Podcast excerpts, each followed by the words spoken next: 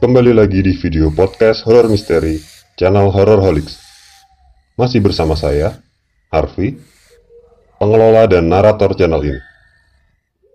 Kalau Anda penyuka cerita horor misteri dan belum subscribe, subscribe channel Horror Holics ini sekarang juga.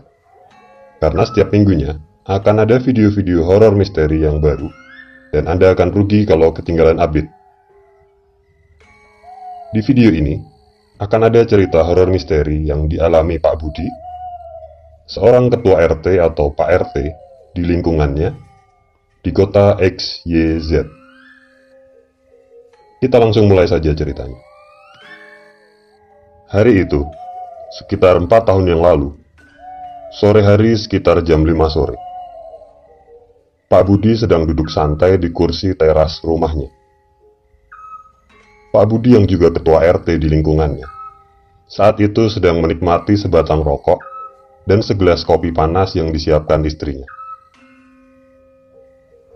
Saat sedang bersantai itulah, ada dua orang pemuda warga desa yang berkunjung ke rumah itu. Wajah mereka nampak panik, dan mereka terlihat buru-buru.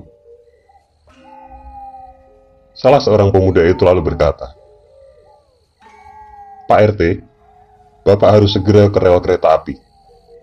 Ada perempuan tertabrak kereta. Sepertinya sengaja bunuh diri. Pak Budi yang sedang bersantai langsung terkejut mendengar ucapan pemuda itu dan menjawab, Innalillahi, kapan kejadiannya? Pemuda itu menjawab, Belum lama pak, sekitar 10 menit yang lalu. Tubuh perempuan itu mencar-mencar, Pak. Saat ini sudah banyak warga di lokasi dekat rel kereta itu. Pak Budi segera berdiri dan berkata, "Baik, saya bersiap-siap sebentar. Tunggu di sini ya." Apa sudah ada yang menghubungi kepolisian? Pemuda itu menjawab lagi, "Sepertinya belum ada yang menghubungi polisi, Pak." Pak Budi lalu menjawab, Baik, saya masuk sebentar untuk siap-siap dan telepon kepolisian. Tunggu ya. Pak Budi lalu masuk ke dalam rumahnya. Dan sekitar 10 menit kemudian, kembali kedua pemuda yang menunggu di teras rumah. Lalu mereka bertiga bergegas berangkat ke lokasi kejadian di sekitar rel kereta api, masih di lingkungan desa mereka. Di lingkungan desa mereka, memang ada rel kereta api. Walaupun begitu, hampir tidak pernah ada kejadian kecelakaan dengan kereta api yang melintas. Biasanya aman-aman saja. Mungkin terakhir kali ada kejadian kecelakaan dengan kereta api, sudah hampir 10 tahun yang lalu. Namun hari ini sepertinya berbeda. Seorang perempuan tertabrak kereta api yang melintas. Perempuan ini berjalan kaki, dan menurut beberapa saksi mata, perempuan ini sudah sekitar satu jam terlihat seperti orang, orang linglung di sekitar situ. Dan ketika ada kereta api mendekat, perempuan ini seperti sengaja menabrakkan diri ke kereta yang melintas. Perempuan ini usianya sekitar awal 30 tahun. Dan setelah tertabrak kereta yang melintas, tubuhnya mencar-mencar atau berserakan di beberapa tempat di sekitar lokasi kejadian. Saat Pak Budi dan kedua pemuda sampai di lokasi kejadian, benar saja, sudah banyak warga yang penasaran berkerumun di dekat lokasi kejadian. Sekitar 15 menit kemudian, beberapa petugas kepolisian terlihat datang ke lokasi itu.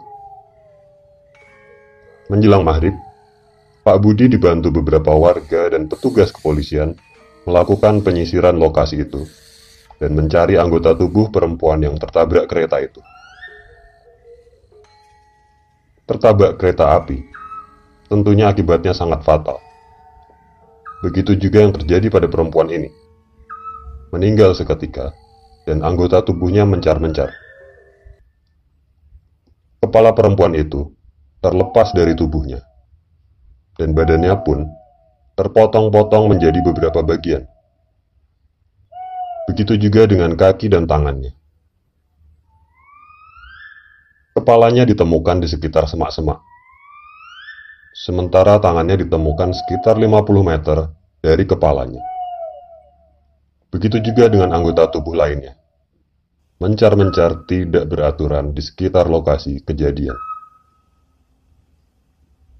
Kebetulan, yang menemukan kepala perempuan itu adalah Pak Budi. Dan setelah membacakan beberapa doa, Pak Budi sudah menguatkan mental untuk menutup mata dan mulut perempuan itu. Saat ditemukan, kedua mata perempuan itu terlihat terbuka lebar, dan mulutnya seperti meringis menahan rasa sakit. Kepala perempuan itu lalu dikumpulkan dengan anggota tubuh lain. Pencarian anggota tubuh perempuan itu berlangsung sampai sekitar jam 9 malam. Saat pencarian dihentikan, sebenarnya masih belum lengkap anggota tubuh perempuan itu. Masih ada satu bagian tubuh yang belum berhasil ditemukan, yaitu kaki kanan perempuan itu. Tapi karena sudah dicari ke mana-mana, tidak ketemu juga, akhirnya pencarian dihentikan. Dan kesimpulan polisi saat itu, mungkin saja kaki kanan perempuan itu tersangkut di kereta yang melintas dan hilang entah ke mana. Setelah pencarian dihentikan, tak lama kemudian Pak Budi pulang ke rumahnya. Kerumunan warga yang penasaran juga berangsur-angsur bubar dari lokasi kejadian. Setelah sampai di rumahnya, Pak Budi bergegas mandi, makan malam bersama keluarganya, dan setelahnya kembali duduk di kursi teras rumahnya, bersantai sejenak setelah kelelahan dengan kejadian tadi. Sekitar jam 11 malam, Pak Budi masih duduk-duduk di kursi teras rumahnya, menikmati sebatang rokok dan segelas kopi yang sudah tidak panas lagi. Entah kenapa, malam itu Pak Budi merasa suasana sedikit berbeda. Malam itu terasa sunyi dan hening sekali. Suara jangkrik dan burung-burung malam sesekali juga terdengar. Pak Budi juga merasakan beberapa kali bulu kuduknya berdiri. Terasa merinding. Entah kenapa. Pak Budi kembali menikmati segelas kopinya dan menenangkan pikiran. Saat itulah, tiba-tiba Pak Budi sangat terkejut. Entah dari mana dan kapan datangnya. Saat ini, sekitar tiga meter di depan tempatnya duduk, sudah berdiri seorang perempuan. Dan perempuan itu terlihat memandang ke arah Pak Budi Pak Budi sangat terkejut. Tapi dia berusaha menenangkan diri dan berusaha mengenali wajah perempuan yang ada di depannya itu. Sepertinya bukan warga sekitar. Tapi Pak Budi merasa tidak asing dengan wajah perempuan itu. Pak Budi berusaha mengingat-ingat wajah perempuan yang berdiri itu dan tidak berkata apa-apa di depannya. Pak Budi lalu menyapanya. Siapa ya? Mau mencari siapa? Perempuan itu tetap memandangi Pak Budi. Sorot matanya tajam. Dan beberapa saat kemudian, perempuan itu menjawab. Pak, aku yang tadi sore. Pak Budi tampak bingung dan berusaha mengingat-ingat lebih keras lagi. Hingga akhirnya, Pak Budi merasa terkejut setelah dia mengenali wajah perempuan itu. Tidak salah lagi. Wajah perempuan ini. Wajah yang sama dengan kepala perempuan, korban bunuh diri dan tertabrak kereta api tadi sore. Pak Budi sendiri yang tadi sore menemukan kepala perempuan itu dan dia yakin sekali dengan wajah perempuan yang ada di hadapannya ini. Sangat mirip dengan kepala yang ditemukannya tadi sore. Pak Budi berusaha menahan rasa takutnya dan membaca-baca beberapa doa untuk menenangkan diri. Setelah bisa menenangkan diri, Pak Budi lalu berkata ke sosok perempuan yang ada di depannya ini. Mau apa kamu ke sini? Perempuan itu berkata lagi ke Pak Budi. Pak, tolong temukan kakiku. Pak Budi berkata dalam hatinya. Astagfirullah. Korin perempuan ini datang mencari kakinya yang memang belum ditemukan di lokasi kejadian. Pak Budi menarik nafas panjang untuk menenangkan diri. Lalu setelahnya berkata ke perempuan itu tadi, yang masih berdiri dan menatapnya dengan sorot mata yang tajam. Tadi kami sudah mencoba mencari ke mana-mana. Kaki kananmu tidak ketemu juga. Coba kamu yang kasih tahu saya. Di mana kakimu yang belum ketemu itu?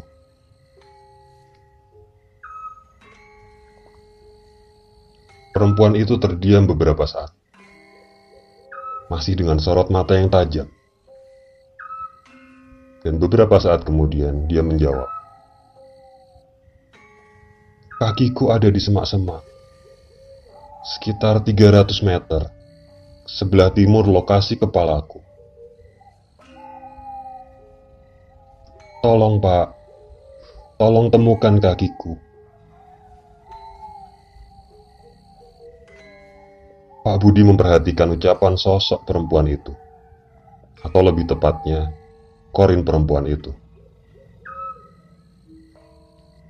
Beberapa saat kemudian, Pak Budi dikejutkan oleh suara istrinya yang sudah berada di sampingnya. Pak, Bapak bicara sama siapa? Pak Budi lalu menoleh ke arah istrinya yang nampak kebingungan. Dan saat itulah, sosok perempuan yang tadi berdiri sekitar 3 meter di depan sudah menghilang. Entah ke mana. Pak Budi lalu berkata ke istrinya, Bu, tolong ambilkan HP, jaket, dan senter saya di kamar. Saya harus segera berangkat. Istrinya menjawab, Loh, Bapak itu mau ke mana malam-malam gini? Sudah jam 11 lebih loh Pak ini. Pak Budi menjawab istrinya. Sudah Bu, tolong ambilkan yang saya minta tadi. Saya harus kembali ke lokasi perempuan bunuh diri tadi. Istrinya lalu masuk ke dalam rumah dan setelahnya istrinya kembali membawa HP, jaket, dan senter yang diminta Pak Budi. Pak Budi kemudian bergegas berangkat, meninggalkan istrinya yang masih kebingungan. Sebelum berangkat ke arah rel kereta api, Pak Budi mendatangi pos ronda atau siskamling yang berada di ujung gang rumahnya. Dan bersama dua pemuda yang tadi sore juga mereka bersama-sama menuju ke rel kereta api, tempat kejadian perempuan tertabrak kereta tadi sore. Setelah mencari-cari sekitar 15 menit, mereka akhirnya berhasil menemukan yang mereka cari. Kaki kanan perempuan yang tertabrak kereta tadi sore berhasil mereka temukan di lokasi yang tepat sesuai yang dikatakan oleh sosok perempuan atau korin perempuan itu ke Pak Budi beberapa menit sebelumnya. Pak Budi kemudian menghubungi polisi dan memberitahukan hal itu. Sekitar 20 menit kemudian, beberapa petugas kepolisian lalu datang dan membawa potongan kaki kanan perempuan itu untuk disatukan dengan anggota tubuh lain. Saat itulah Pak Budi kembali terkejut karena dia melihat sosok perempuan itu berada sekitar 10 meter di depannya. Dan perempuan itu atau sosok perempuan itu atau korin perempuan itu memandang ke arah Pak Budi dan perempuan itu tersenyum ke arah Pak Budi. Seolah-olah perempuan itu atau korin perempuan itu ingin mengucapkan terima kasih ke Pak Budi. Itu tadi cerita horor yang dialami Pak Budi, seorang ketua RT atau Pak RT di lingkungannya, di kota XYZ, yang harus berurusan dengan jin korin perempuan yang meninggal akibat menabrakkan diri dengan kereta api. Berkat petunjuk dari korin perempuan itu, akhirnya semua anggota tubuhnya bisa disatukan. Dan sehari setelahnya, keluarga perempuan misterius itu datang ke kantor polisi untuk membawa dan memakamkan jenazah perempuan itu. Dari keterangan keluarganya, perempuan itu memang memiliki penyakit kanker. Dan karena sudah bertahun-tahun penyakitnya tidak bisa disembuhkan, perempuan itu depresi dan memilih cara untuk mengakhiri hidupnya dengan menabrakkan diri ke kereta api yang melintas. Oke, kita akhiri video horor misteri podcast Horror Holics kali ini. Dan untuk Anda horror lovers, kalau Anda mempunyai cerita horor misteri yang ingin dibuatkan video podcast di channel Horror Holics ini, hubungi nomor WA yang tertera di deskripsi video. Oke horror lovers, terima kasih Anda sudah menyaksikan video ini. Kita ketemu lagi di video-video Horror Holics lainnya. Dan subscribe channel Horror Holics ini. Nyalakan tombol loncengnya supaya Anda dapat notifikasi ketika ada video-video terbaru dari kami. Semoga hari Anda bahagia. Tetap sehat, tetap semangat, tetap patuhi protokol kesehatan. Salam dari saya Arfi, dari channel Horror Holics. Matur nuwun.